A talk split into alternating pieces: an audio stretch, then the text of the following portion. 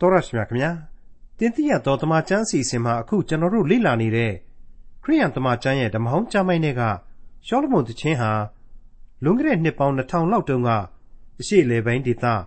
ဂဲလိလီခေါ်ဂါလိလဲဒေသကနာဇရက်မြို့သားဖြစ်တဲ့လူသားတိုင်းရဲ့ကယ်တင်ရှင်သခင်ယေရှုခရစ်တော်ရဲ့ဘုန်းတော်ရောင်းဝါများကိုကြိုတင်ဗျာဒိတ်ပြုဖွဲ့ဆိုခြင်းများဖြစ်ပါတယ်အမတ်တမဲ့ကြီးလိုက်ရင်တော့ချစ်သူတူရဲ့အလှကို ဖွဲ့နှဲ့တီကုံဆက်ဆူထားတဲ့အလှပွဲအချစ်ပွဲနဲ့တူးနေပါတယ်။ဒါပေမဲ့ရှောလမုန်တခြင်းတွေကတီကုံဆက်ဆူမှုအဖွဲအနွယ်တိုင်းဟာအဲ့ဒီကာလကနေဆိုရင် နောင်ကာလမှာပေါ်ထွန်းတော်မူမဲ့အခုကာလကနေဆိုရင်တော့လွန်ခဲ့တဲ့နှစ်ပေါင်း2000လောက်တုန်းကပေါ်ထွန်းတော်မူခဲ့တဲ့လူသားတိုင်းရဲ့ကယ်တင်ရှင်သခင်ယေရှုခရစ်တော်ကိုကြိုတင်ဗျာဒိတ်ပြုတီကုံဖွဲ့ဆိုမှုများသာဖြစ်တယ်ဆိုတာကိုဒီကနေ့သင်သိရသောတမန်ကျမ်းအစီအစဉ်မှာ လေ့လာမှာဖြစ်တဲ့ခရိယန်တမန်ကျမ်းရဲ့ဓမ္မအောင်ကျမ်းပိုင်းတွေကရှောလမုန်သခင်အခန်းကြီး9အခန်းငယ်30ကနေအခန်းငယ်16အထိမှာတွေ့ရမှာဖြစ်ပါတယ်။ငါချစ်ရသခင်သည် ဖြူသောအစဉ်ဤသောအစဉ်နှင့်ပြည့်စုံ၍လို့ဖွဲ့ဆိုထားသလိုဥကောင်းတော်သည် ရွှေစင်နှင့်တူ၏။သပင်တော်သည် ထူထပ်၍ကြီးရအစင်းကဲ့သို့နဲ့၏လို့တီကုန်းဆက်ဆိုထားတဲ့ရှောလမုန်သခင်အခန်းကြီး9အခန်းငယ်30ကနေ အခန်းငယ်16အထိကိုဒေါက်တာထွန်းမြတ်ရေးကအခုလိုအ내တိပွဲဖွင့်ဆိုရင်းရှင်းလင်းတင်ပြထားပါတယ်။သင်သိရသောတမန်ကျန်ရဲ့မိတ်ဆွေတော်တတ်ရှင်အပေါင်းတို့ကယ်တင်ရှင်သခင်ခရစ်တော်ဟာယုံကြည်သူဖြစ်တဲ့သူ့ကိုဝိညာဉ်အဖျင်ချစ်တော်သူစီကိုပြန်လာတယ်။ပြီးတဲ့နောက်တကားခောက်တယ်။အဲ့ဒီအခါမှာယုံကြည်သူဟာစိတ်မတည်ငြိမ်ဘူး။ရင်တွင်ပရိပက္ခတွေနဲ့လေးကန်ထိုင်မှန်ပြီးနေမိတယ်။အင်ကြီးဝတ်ပြီးတော့ထွက်ကြွားမှာကိုတော့မှပြင်းရည်တယ်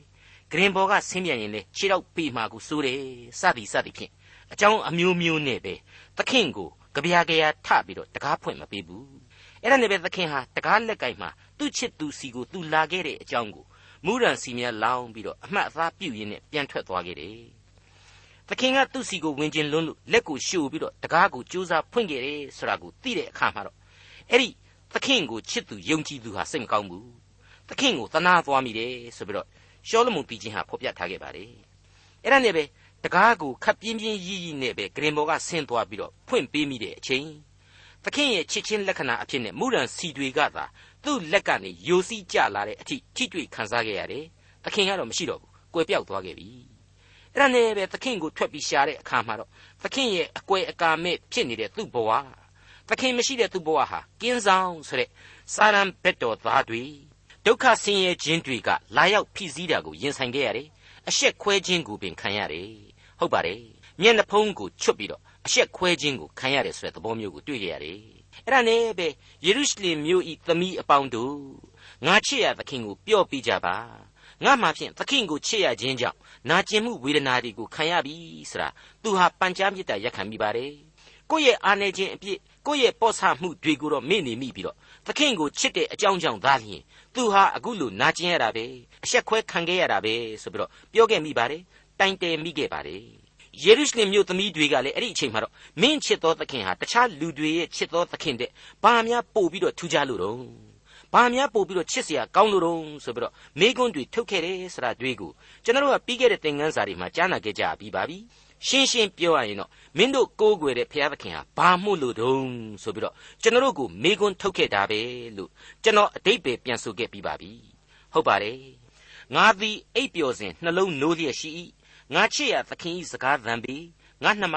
ငါချစ်သောအမိငါဂျိုငါဤစုံလင်သူငါအားဖွင့်ပါငါကောင်းသည်နှင်းနှင့်၎င်းငါစပင်သည်ည၌ကြရသောနှင်းဆက်များနှင့်၎င်းဆိုပြီးဟုဆိုလျက်ခောက်၍နေတော်မူ၏ ကျမသည်အဝတ်ကိုချွတ်ပါပြီအဘယ်ကြောင့်ဝတ်ပြန်ရမည်နည်းခြေကိုလည်းဆေးပါပြီတဖန်ညစ်အောင်အဘယ်ကြောင့်ပြုရပါမည်နည်းငါချစ်ရသခင်သည်လက်တော်ကိုတကားပေါက်အထဲသို့သွင်းတော်မူသည်ဖြစ်၍သူ့ကိုချစ်သနာသောစိတ်အားကြီးသဖြင့်ငါချစ်ရသခင်အားတကားကိုဖွင့်အပ်ဖွင့်အံ့သောငါထသောအခါငါလက်မှမူရန်စီငါလက်ချောင်းတို့မှပဂရိမူရန်စီသည်တကားကျင်တိုင်ပေါ်မှဆက်ဆက်ကြလေ၏ငါချစ်ရသခင်အားငါဖွင့်သည်ရှိသော ငါချစ်ရသခင်သည်ထွက်သွားနှင့်ပြီစကားသံတော်ကိုစိစိနားထောင်လျက်သခင်ကိုငါရှာတော်လဲမတွေ့ခေါ်တော်လဲထူတော်မမူမြို့တွင်လေသောကင်းဆောင်တို့သည်ငါကိုတွေ့သောနာကျင်စွာရိုက်ကြ၏မြို့ရိုးဆောင်တို့သည်ငါမျက်နှာဖုံးကိုလူယူကြ၏အိုးယေရုရှလင်မြို့သမီးတို့သင်တို့သည်ငါချစ်ရာသခင်ကိုတွေ့လျင်သူ့ကိုငါချစ်၍နာနေကြောင်းကိုကြားပြောကြပါဟုငါမှားထားတောင်းပန်၏မိမတကာတို့တဲ့အစင်းလှသောအမား သင်ချစ်ရာသခင်သည်အခြားတစ်ပါးသောချစ်ရာသခင်တဲ့အဘယ်သို့သာသနည်းအကျွန်ုပ်တို့ကိုထိုသို့မှားထားတောင်းပန်ရမည်အကြောင်းသင်ချစ်ရာသခင်သည်အခြားတစ်ပါးသောချစ်ရာသခင်တဲ့အဘယ်သို့သာသနည်းတဲ့အဲ့ဒီလိုပြီးခဲ့တဲ့သင်ခန်းစာမှာအကျယ်တွင်ကြားခဲ့ရပြီးတဲ့နောက်မှာတော့ဒီကနေ့ရှောလမုန်တည်ခြင်းဟာငါချစ်ရာသခင်သည်ဘယ်သို့သောဝိသေသလက္ခဏာများရှိသည်ဆိုတာကိုရှုလမိတ်သမီးပြိုကနေပြီးတော့ယေရုရှလင်သမီးတို့ကိုစတင်အဖြေပေးတော့မှာဖြစ်ပါတယ်ရှောလမုန်တည်ခြင်းအခန်းကြီး9 အငယ်30ငါချစ်ရာသခင်သည် ဖြူသောအဆင်းနီသောအဆင်းနှင့်ပြည့်စုံ၍လူတစ်ပေါင်းတို့တွင် အထွတ်အမြတ်ဖြစ်တော်မူ၏ဖြူသောအဆင်းဆိုတာဟာအသားအယောင်ဖြူတာကိုကြည့်ပဲမဆိုလိုပါဘူးအပြည့်ရဲ့လို့စိုးစင်းမျှမရှိသောလူသားဆိုတဲ့အဓိပ္ပာယ်ဖြစ်ပါတယ်ဒါဟာရှောလမုန်မင်းကြီးရဲ့လက္ခဏာမဟုတ်ပါဘူးရှောလမုန်ဟာသမိုင်းကမှတ်တမ်းတင်ပြီးယူရလောက်အောင်ပညာဉာဏ်အမျှော်အမြင်ရှိသူမှန်တယ် ထာဝရဘုရားကိုကြောက်ရွံ့ခြင်းသဘောဆိုတာကိုမှုတ်နေအောင်နားလည်သူဖြစ်တယ်ဆိုတာလည်းမငြင်းနိုင်ဘူးဒါပေမဲ့အဲ့ဒီလိုအရေးအချင်းကောင်းတွေရှိပါရဲ့နဲ့အဲ့ဒီအရေးအချင်းတွေနဲ့ပဲရဲရဲကြီးမိုက်ပြခဲ့တဲ့အနတ္တဝါဒီကြီးဖြစ်ခဲ့ဘူးတယ်ဆိုတာကိုဓမ္မသမိုင်းမှာတွေ့ကြရပြီးဖြစ်တယ်လို့သူကိုယ်တိုင်ဟာဒေသနာကျမ်းအဖြစ်ကိုယ့်ပေါင်ကိုကိုယ်လှန်ထောင်းခဲ့ပြီးပြီဆိုတာကိုကျွန်တော်ဒေသနာကျမ်းမှာတင်ပြခဲ့ပြီးပါပြီဟုတ်ပါတယ်ဖြူသောအစင်သို့မဟုတ် အပြစ်ဆိုးစင်းမျှမရှိသောသူများရဲ့စည်ရင်ထဲမှာရှောလမုန်ဟာဘယ်နည်းနဲ့မှမပါနိုင်ပါဘူးဒါဝိတ်မပါနိုင်ပါဘူးဓမ္မသမိုင်းကလူသားဘယ်သူမှမပါဝင်နိုင်ပါဘူးမိတ်ဆွေအပေါင်းတို့ကယ်တင်ရှင်သခင်ခရစ်တော်ဆိုတာကတော့ကောင်းကျင်ဘုံရှင်အဖဖခင်သခင်ရဲ့ဝိညာဉ်တော်ဖြစ်တယ်ကျွန်တော်လူလောကကိုလူသားတို့ရဲ့အပြစ်တရားကနေပြီးတော့လူသားတို့လွတ်မြောက်ဖို့လူသားတို့ဖြောင့်မတ်ခြင်းအခွင့်ကိုခံစားပြီးတော့ကယ်တင်ကြီးကျေးဇူးတော်ကိုခံယူဖို့လူစားတိကိုသူဟာခံယူကြွဆင်းလာသူဖြစ်တယ် အဲ့ဒီလူသားတွေရဲ့အပြစ်ကနေလွတ်မြောက်ခြင်းတရားကိုပေးဖို့ဖြစ်တယ်အဲ့ဒီလူသားတွေရဲ့အပြစ်ကနေလွတ်မြောက်ခြင်းခံရဖို့အတွက်အဲ့ဒီလူသားအလုံးရဲ့အပြစ်တွေကိုသူဟာယူတင်ဝတ်ဆောင်ပြီးတော့အသေးပင်ခံခဲ့တော်လေသူဟာဘုရားသခင်ရဲ့ဝိညာဉ်တော်ဖြစ်တယ်ဒါကြောင့်မလို့အကျွင်းမဲ့အပြစ်ကင်းစင်သူဖြူသောအစင်းနှင့်ပြည့်စုံသူဖြစ်ပါတယ်ဖြူသောအစင်းနှင့်ပြည့်စုံသောသခင်ဟာနီသောအစင်းနဲ့လည်းပြည့်စုံနေပြန်တယ်ဆိုပါလားနီသောအစင်းဆိုတာဟာဘာကိုဆိုလိုပါလဲ ထိတ်ခနဲ့စိတ်ဆိုးလိုက်တဲ့အသားကြီးနီးဆက်ဆက်ဖြစ်လာတဲ့ဒေါသအိုးကြီးရဲ့အစင်းကိုမဆိုလိုပါဘူးတတ္တိနှင့်ပြည့်စုံခြင်းချစ်ချင်းမေတ္တာတော်နှင့်ပြည့်စုံတော်မူခြင်းကိုဆိုလိုခြင်းဖြစ်ပါတယ်ဟုတ်ပါတယ်အင်မတန်ကြောက်မဲ့ဖွယ်ကောင်းတဲ့အသက်တော်ကိုစွန့်ခြင်းအမှုကိုကားတိုင်းတော်ပေါ်မှာပြုဝန်းပြုဝန်းတဲ့သခင်ဖြစ်ခဲ့ပါတယ်အဲ့ဒါဟာကျွန်တော်တို့လူသားအားလုံးတို့ရဲ့အပြစ်တို့ကိုယူတင်ဝတ်ဆောင်ပြီးတော့ချစ်ချင်းမေတ္တာတော်အနန္တနဲ့ပြုခဲ့သောအမှုတော်များဖြစ်ပါတယ်ဒါတွေကြောင့်ကယ်တင်ရှင်ဟာဖြူသောအစဉ် ညီသောအစဉ်နဲ့ပြည့်စုံသူဖြစ်ပါတယ်လူတစ်ပေါင်းတို့တွင်အထွတ်အမြတ်ဖြစ်တော်မူ၏တဲ့ရှုလမိတ်သမီးပြူကဒီနေရာမှာအခုလိုပြောတာဟာအခုခေတ်ကျွန်တော်တို့နဲ့စကားကျွန်တော်တို့စကားတွေနဲ့ပြောရမယ်ဆိုရင်တော့တရားမှတယောက်မရှိဘူးဆိုတဲ့စကားရှာမှရှားတယ်ဆိုတဲ့စကားမျိုးဖြစ်ပါတယ်လူလူချင်းကိုဖော်ပြလိုက်တဲ့စကားလို့ကျွန်တော်ဆိုချင်ပါတယ်မိတ်ဆွေအပေါင်းတို့ဒီအချက်တွေအားလုံးပေါင်းခြုံစဉ်းစားလိုက်ရင်ဒီကယ်တင်ရှင်သခင်ဟာလူတွေကထူးခြားသောလူတစ်ယောက်အဆင့်မှထားနိုင်တဲ့ လူစစ်စစ်ရဲ့အသွင်ကိုဆောင်ယူထားသလိုဖျားသခင်ရဲ့ဝိညာဏသရံကိုပါရောပြွန်းပုံဆောင်ထားတယ်လို့ရေပုံရအားဖြင့်ကျွန်တော်တို့သတ်မှတ်နိုင်ပါတယ်ရှောလမုန်တည်ခြင်းအခန်းကြီး9အငယ်7မှ73ဥကောင်းတော်သည်ရွှေစင်နှင့်တူ၏သပင်တော်သည်ထူတတ်၍ကြီးအအစင်းကဲ့သို့နေ၏မျက်စိတော်တို့သည်နို့၌ချိုးလျက်မြည်ရည်ပေါ်မှပုံပုံကြွကြွဝတ်သောဂျိုးနှင့်တူကြပါ၏ပါတော်တို့သည်နန့်သာတော်မှုေးကြိုင်သောပန်းတော်ကဲ့သို့၎င်း နှုတ်ခမ်းတော်တို့သည်ပဂရိမုရန်စီယိုသောနှင်းပွင့်ကဲ့သို့၎င်းဖြစ်ကြ၏ရွှေစင်နှင့်တူသောဥကောင်းတော်ဆရာဟာမျက်နှာပြင်အပါအဝင်ဥကောင်းတော်တစ်ခုလုံးရဲ့ဘုံတော်ရောင်ဝါတောက်ပခြင်းကိုဒီမိန်းကလေးဟာမှတ်သားမိခြင်းပဲဖြစ်ပါလေဖြစ်နိုင်ပါသလားရှောလမုန်မင်းရဲ့လူရုပ်အစင်းသဏ္ဍာန်ဟာမဖြစ်နိုင်သလိုကယ်တင်ရှင်သခင်ခရစ်တော်ရဲ့လူဘဝပုံစံဟာလေဒီလိုရွှေအစင်းဘယ်နည်းမှမရှိနိုင်ပါဘူးဒီမိန်းကလေးရဲ့စိတ်အစဉ်အတွင်းကချစ်ချင်းမေတ္တာအားဖြင့် ခံစားရကြယူပါယုံမြင်ကွင်းကိုသာဖော်ပြခြင်းဖြစ်နိုင်ပါတယ်သူမရဲ့မေတ္တာစိတ်အစဉ်မှာမြင်ရခံစားရတဲ့အာယုံမြင်ကွင်းလို့လည်းဆိုနိုင်ပါတယ်မိတ်ဆွေလွန်ခဲ့တဲ့နှစ်ပေါင်း2000အစ္စရေလနိုင်ငံကဂါလိလဲနေသားသခင်ယေရှုဆိုတဲ့သခင်ဟာရွှေအစင်းမျက်နှာရွှေအစင်းဥကောင်းနဲ့ဘယ်လူသားနဲ့မှမတူတဲ့လူသားကြီးအဖြစ်ရှင်သန်ခဲ့တာဘယ်နည်းနဲ့မှမဟုတ်ပါဘူးဒီတော့အခုအပိုင်းဖော်ပြချက်တွေဟာ ဖျားသခင်ရဲ့ဘုန်းတော်ရောင်ဝါများကိုဒီမိန်းကလေးရဲ့အာယုံခံစားချက်မှာဝိညာဉ်ရေးအရထိတွေ့ရခြင်းကိုသာဖော်ကျူးလိုက်ခြင်းတတ်တတ်သာဖြစ်ရပါလိမ့်မယ်။သပင်တော်တို့သည်ကြီးအားကဲ့သို့နှက်မှောင်၍နေခြင်း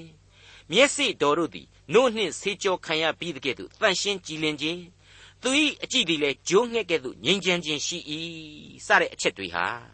တင်စားခြင်းကြီးပဲမဟုတ်နိုင်ပါဘူးရှောလမုန်ရဲ့ရုပ်တရံချောမွေ့ခြင်းကိုဖော်ပြခြင်းဖြစ်နိုင်သလို ကေတင်ရှင်ရဲ့ရုပ်အစင်းတရံတို့ကိုချောမောလှပ၍သိမ်မွေ့သောအစင်းတရံများနဲ့ပြည့်စုံခြင်းရှိတဲ့အကြောင်းကိုဖော်ပြလိုက်တာနဲ့အတူတူပဲဖြစ်ပါလိမ့်မယ်ပါးပြင်းနှင့်နှုတ်ခမ်းတို့အကြောင်းကိုဆက်လက်ဖော်ပြရမှာတော့ပါးတော်တို့သည်နတ်သာတော်မှုေးကြိုင်သောပန်းတော်နှင့်တူတယ်တဲ့နှုတ်ခမ်းတော်တို့သည်လေပဂရိမုရန်စီယူသောနှင်းပွင့်နှင့်တူပါတယ်တဲ့အဲ့ဒီလိုဆက်လက်ဖော်ပြထားပါတယ်မိတ်ဆွေ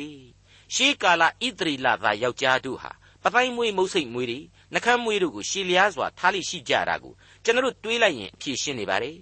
ဒါဟာရှောလမုန်မင်းကြီးရဲ့မျက်နှာအသွင်အပြင်ဟာချောမွေလှပတယ်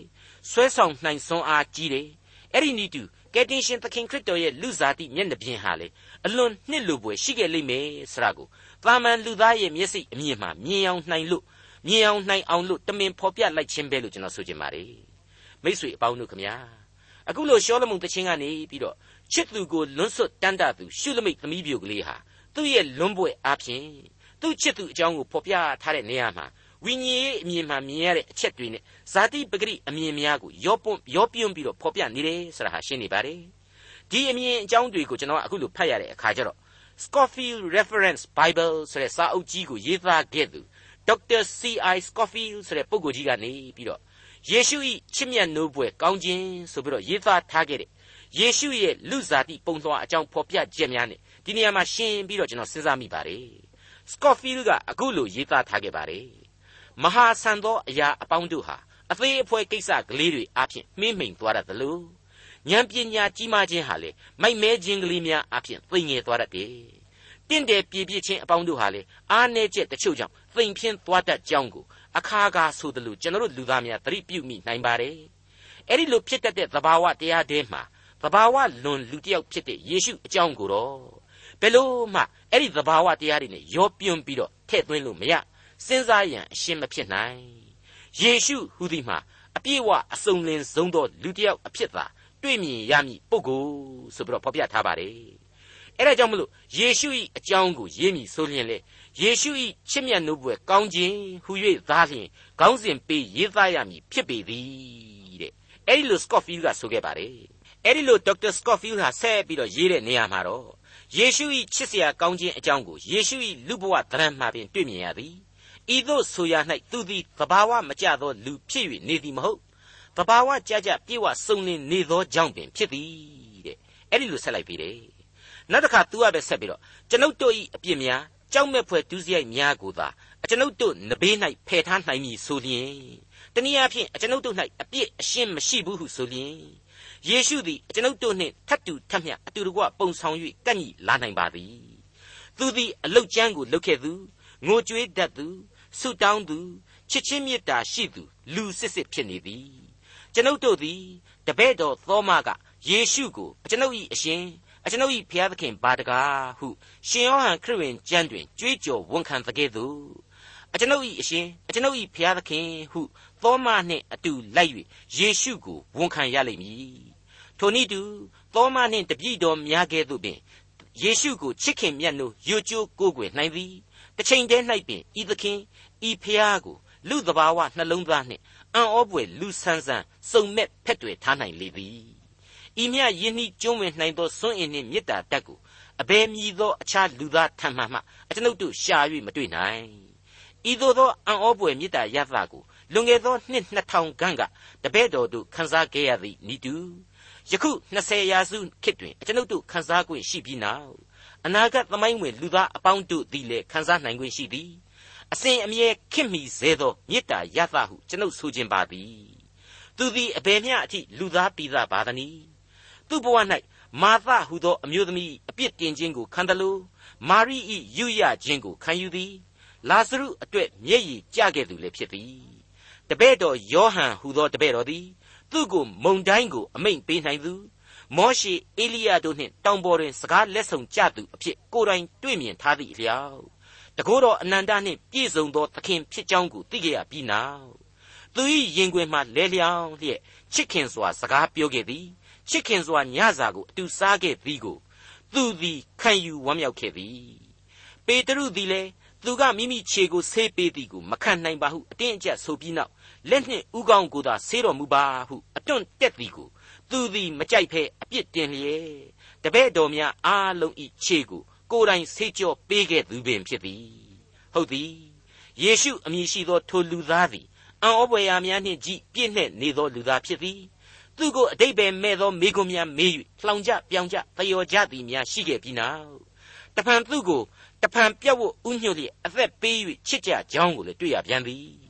သူသည်အညတရဘဝကျမ်းနှင့်အထက်တန်းစားလူတန်းစားအများအပြားကိုအမိနာမအဖျားဆွ၍ခေါ်ပြီးနောက်ချစ်ခင်မြတ်နိုးစွာဖြင့်ကြောက်စိတ်တို့ကိုဖြေဖြောက်ပေးခဲ့သည်ချစ်စိတ်တို့ကိုလည်းဝေစေခဲ့သည်သူ၏ချစ်ချင်းမေတ္တာတော်အကြောင်းကိုလည်းအခိုင်အမာဖော်ပြသက်သေတည်စေနိုင်သောသူပင်ဖြစ်လေပြီဤသည်တို့မှာချစ်စရာကောင်းသောယေရှု၏အကြောင်းအကျဉ်းချုပ်ပင်ဖြစ်လေပြီတဲ့မိတ်ဆွေတော်တတ်ရှင်အပေါင်းတို့ခမညာ အခုကျွန်တော်ဖတ်ပြခဲ့တာဒီအကုန်လုံးဟာ Scofield ဆိုတဲ့တမန်ကျမ်းစာအကိုအကာစာအုပ်ကြီးကိုရေးသားပြုစုထားသူဒေါက်တာ C.I. Scofield ရဲ့ Loveliness of Jesus ဆိုတဲ့စာအုပ်ကိုတိုက်ရိုက်ဘာသာပြန်ဆိုပြီးမြန်မာလိုဖော်ပြပေးလိုက်တာပါပဲမိတ်ဆွေအပေါင်းတို့မှန်ပါတယ်အခုရှောလမုန်ရှုလမိတ်တို့ရဲ့အချစ်ဘွဲ့ရှောလမုန်တည်ခြင်းဆရာဟာအဲ့ဒီလိုချစ်စရာများနဲ့ပြည့်ဝနေတဲ့သခင် ဘုံတကိုးရောင်ဝါတို့နဲ့တောက်ပနေပါတယ်ဆိုတဲ့စိတ်ကူးယူပါယုံများတဲ့ကသခင်ရဲ့အကြောင်းကိုတခမ်းတနာဖော်ပြနေတာပဲလို့ကျွန်တော်ထပ်မံတင်ပြလိုက်ပါတယ်ရှောလမုန်တည်ခြင်းအခန်းကြီး9အငယ်14နဲ့15လက်တော်တို့သည်မြဲ့ရွဲစီသောလက်စွပ်ကဲ့သို့၎င်းကိုတော်သည်နီလာကြောက်ဖြင့်စီချဲသောဆင်ဆွေပြူကဲ့သို့၎င်းဖြစ်၏ခြေတောက်တော်တို့သည်ရွှေစင်ဖနက်ပေါ်မှတည်သောကြောက်ဖြူတိုင်နှင့်တူကြ၏မျက်နာတော်သည်လေဗနုန်တောင်ကဲ့သို့ဖြစ်၍ အာရစ်ပင်ကဲ့သို့ထုမြတ်ပေ၏နှုတ်တော်သည်အလွန်ချိုပေ၏မိတ်ဆွေတော်တတ်ရှင်အပေါင်းတို့ခမညာချစ်သောရှောလမုန်မင်းကြီးရဲ့ဘဝပုံလွှာကိုဂုံအကြီးအကျယ်တင်ထားပါတယ်ရှုလမိတ်သမီးပြိုရဲ့အာယုံခံစားမှုမျက်မျက်နိုနိုရှိမှုတင်စားမှုတွေကြီးပဲဖြစ်ပါတယ်အကုန်လုံးဟာပြတ်ဆက်ဆံပါတယ်အတိတ်တရားအလင်္ကာလို့ခေါ်တဲ့ရှီရင်ဇွဲကိုမှအကြီးအကျယ်ချီးမြှင့်တင်စားခြင်းရသများဖြစ်တယ်လို့ ဥပမာအလင်္ကာလို့ခေါ်တဲ့ပုံဆောင်ခြင်းရသများလို့လည်းဆိုနိုင်ပါတယ်ဝင်ကဝုတ်တိအလင်္ကာလို့ခေါ်တဲ့လှည့်စားတင်ပြခြင်းများလို့လည်းပြောမယ်ဆိုရင်ပြောနိုင်တယ်ဆိုတာကိုတွေ့ရပါလိမ့်မယ်ကျွန်တော်ကအခုအပိုင်းမှာရှောလမုန်ရဲ့အစင်းသဏ္ဍာန်လို့လုံးဝမသုံးမဲ့နဲ့ဘဝပုံလွှာလို့သာဖော်ပြခြင်းဟာအကြောင်းရှိပါတယ်အခုဖော်ပြချက်ဟာရုပ်တရံအကြောင်းဖော်ပြတယ်ဆိုရင်အရှင်းယုတ်တိမတန်ဘူးလို့ခံယူတဲ့အတွက်ကြောင့်ဘဝပုံလွှာလို့ဖော်ပြခြင်းဖြစ်ပါတယ်လက်တော်တို့သည် မြေရွယ်စီသောလက်စွပ်ကဲ့သို့တဲ့လက်ကောက်တွေအပြည့်နဲ့စီထားတဲ့ဆိုရင်လက်တို့ရဲ့အလှဟာမုတ်ချဖုံးကွယ်နေမှသိကြတယ်ဒါဟာကြွယ်ဝချမ်းသာခြင်းကိုသာပုံဆောင်ဖော်ပြခြင်းဖြစ်တယ်လို့ကျွန်တော်ဆိုချင်ပါတယ်အဲ့ဒီလိုပါပဲကိုခန္ဓာတော်ကြပြန်တော့လေနီလာကြောက်များနဲ့စီထားတဲ့စင်စွဲနဲ့တူနေတယ်လို့ဆိုပြန်ပါတယ်မဖြစ်နိုင်ပါဘူးခြေတော့တော်တို့ဆိုရင်ရွှေအုပ်ဖက်နှက်ပေါ်မှာစိုက်ထားတဲ့ကြောက်ဖြူတိုင်များလို့တင်စားထားပါတယ် အဲ့ဒါမှနည်းနည်းပါးပါးတော်ပါသေးတယ်ခိုင်ကမြဲမြံခြင်းကိုဖော်ပြခြင်းပေါ့မျက်နှာတော်မှာကျတော့လေပနုံတောင်ရည်အာရစ်ပင်ရင်နဲ့ခိုင်းနှိုင်းပေးလိုက်ပြန်ပါလေဒီတော့ဒီတင်စားဖော်ကျူးချက်တွေအကုန်လုံးကိုဖော်ပြရမယ်ဆိုရင်သဘာဝတရားကြီးတစ်ခုရဲ့ကြွယ်ဝချမ်းသာခြင်းအားကြလောက်ဖွယ်ရှိခြင်းစီးစိမ်ချမ်းသာများပေးနိုင်ခြင်းအထင်ကြီးပွယ်ဖြစ်ခြင်းတို့ကိုသာလျှင်တင်စားထားခြင်းဖြစ်တယ်လို့ကျွန်တော်ခံယူပါတယ်မိษွေတော်တတ်ရှင်အပေါင်းတို့ခမညာလူစားတိကိုခံယူစဉ်အချိန်ကာလမှာ ကဲတင်တော်မူသောအရှင်ပြသခဲ့တဲ့ဘဝပုံလွှာဟာအလွန်သိမ်မွေ့တယ်နှိမ့်ချခြင်းရှိတယ်လူပိသားတယ်အံ့ဩပွေသောကယ်တင်ရှင်ရဲ့မေတ္တာသဘောတို့ကိုပေါ်လွင်နေစေတယ်ဆရာကိုကျွန်တော်တို့ကိုနှုတ်ကပတ်တော်ဟာဖော်ပြခဲ့တယ်လို့နှုတ်ကပတ်တော်မှရယူရာသင်ခန်းစာများအဖြစ်လေဒေါက်တာဂျေဗန်နန်မက်ဂီဒေါက်တာစကော့ဖီးလ်တို့မှအစဓမ္မသုတေသီပညာရှင်အသီးသီးတို့ဟာရှင်းလင်းဖော်ပြခဲ့ကြပြီးပါပြီအဲ့ဒီမှာရင်ကယ်တင်ရှင်သခင်အကြောင်းကိုအံ့ဩပွေသောမေတ္တာရှင် ကယ်တင်ရှင်ယေရှုတော်ကိုပြုနိုင်သူနူးညံ့သိမ်မွေသောဘုရားသခင်အဖြစ်သားလျင်ကျွန်တော်ကဂန္ဓတစ်ခုမှပိုင်းဖြတ်လိုက်ရမှာလားဆိုတော့အဲ့ဒီအတိုင်းမဟုတ်သေးပါဘူးအဲ့ဒီအတိုင်းမကသေးပါဘူးသူကိုယ်သာအမှန်တကယ်ကြွယ်ဝချမ်းသာသောသခင်အဖြစ်ရှုမြင်သုံးသပ်မယ်ဆိုရင်တော့ဒီကယ်တင်ရှင်ဟာဒီလောကတစ်ခုလုံးကိုပိုင်သသောသခင်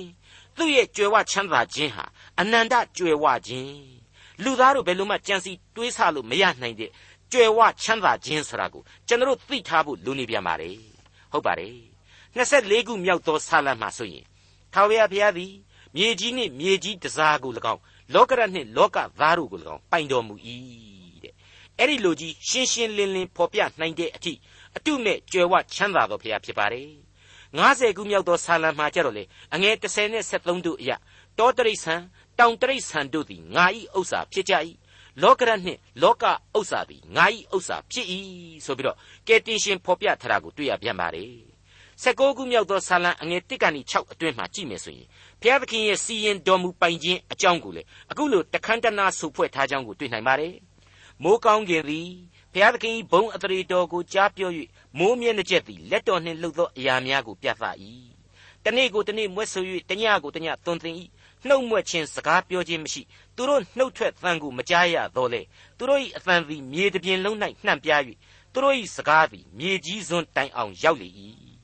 မိုးကောင်းကင်တွင်နေပိတ်မှန်ကိုထားတော်မူသဖြင့်နေသည်အိတ်ခမ်းတဲကထွက်လာသောမင်္ဂလာဆောင်လူလင်ကဲ့သို့ဖြစ်၍ခွန်အားကြီးသောသူကဲ့သို့မိမိသွားရလမ်းသို့လိုက်ပြေးမည်ဟုဝမ်းမြောက်လျက်မိုးကောင်းကင်တစွန်းမှထွက်လာ၍တစွန်းတိုင်အောင်လှက်ပတ်သောအဖြစ် သူ၏အပူအရှိန်မှကွယ်လွတ်သောအရာတစုံတစ်ခုမျှမရှိအဲ့ဒီလိုဖော်ပြထားပါတယ်ဒီအချက်တွေကိုစုပေါင်းစဉ်းစားလိုက်မယ်ဆိုရင်တော့ကယ်တင်ရှင်ခရစ်တော်ရဲ့လူတို့ကြံစည်၍မမိနိုင်သောပိုင်ဆိုင်မှုကိုကျွန်တော်တို့မြင်နိုင်ပါတယ်သူ့ရဲ့စီရင်တော်မူသောဒီလောကကြီးမှာကျွန်တော်တို့လူသားဟာသူပြုသမျှနှုတ်ရတဲ့အမျိုးအစားသာဖြစ်တယ်သူပေးတော်မူသောကောင်းကြီးမင်္ဂလာများနဲ့သာလျှင်လောကစည်းစိမ်လောကယသလောကဂုံပကာသနာတို့ကို ရယူခံစား권ရှိနေရတယ်ဆိုတဲ့အချက်ကိုသဘောပေါက်ထားဖို့အထူးပဲလိုအပ်လာပါတယ်ဘယ်လိုပဲပြောပြောပါကယ်တင်ရှင်ဟာကျွန်တော်တို့ကိုအဲ့ဒီအနတ္တအရာတွေထဲမှာပဲပျော်မွေ့မနေစေခြင်းဘူးအနတ္တလောကမှသည်အ ਨੇ ကတန်ဖိုးရှိတဲ့ကယ်တင်ခြင်းကျေးဇူးတော်ကိုခံစားစေခြင်းပါတယ်ထာဝရအသက်ကိုတက်လှမ်းစေခြင်းပါတယ်အဲ့ဒီအခါမှာလူစားတိကိုကိုယ်တိုင်ခံယူပြီးတော့လူသားတို့ရဲ့ချစ်ချင်းမေတ္တာနဲ့ချစ်ချင်းတရားကိုပြသပေးတယ်တစ်ချိန်တည်းမှာပဲဘုရားသခင်ရဲ့ဘုန်းတော်နဲ့ အသက်ရှင်ခြင်းလမ်းကြောင်းကိုလည်းဖော်ပြပေးလိုက်ပါတယ်ကယ်တင်ရှင်သခင်ခရစ်တော်ရဲ့ဒုတိယအကြိမ်ကြွလာတော်မူခြင်းဟာဘလောက်အထိထူးခြားတဲ့အစင်းသဏ္ဍာန်များထဲဝါခြင်းများရှိမှလဲဆိုတာကိုဗျာဒိတ်ကျမ်းအခန်းကြီး၄အငယ်၁ကနေ9အတွင်းမှာကျွန်တော်တို့ကိုအခုလိုဗျာဒိတ်ပြုထားတာရှိပါတယ်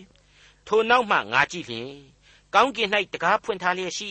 ရှေးဥစွာကြားရသောအကြံအသံဟုမူကားဤအရက်သို့တက်လော့ နောင်ကာလ၌ဖြစ်ရမည်အရာတို့ကိုငါပြမည်ဟုငါနှင့်ပြောလျက်ရှိသောတဘိုးခရာသံကဲ့သို့မြည်လေ၏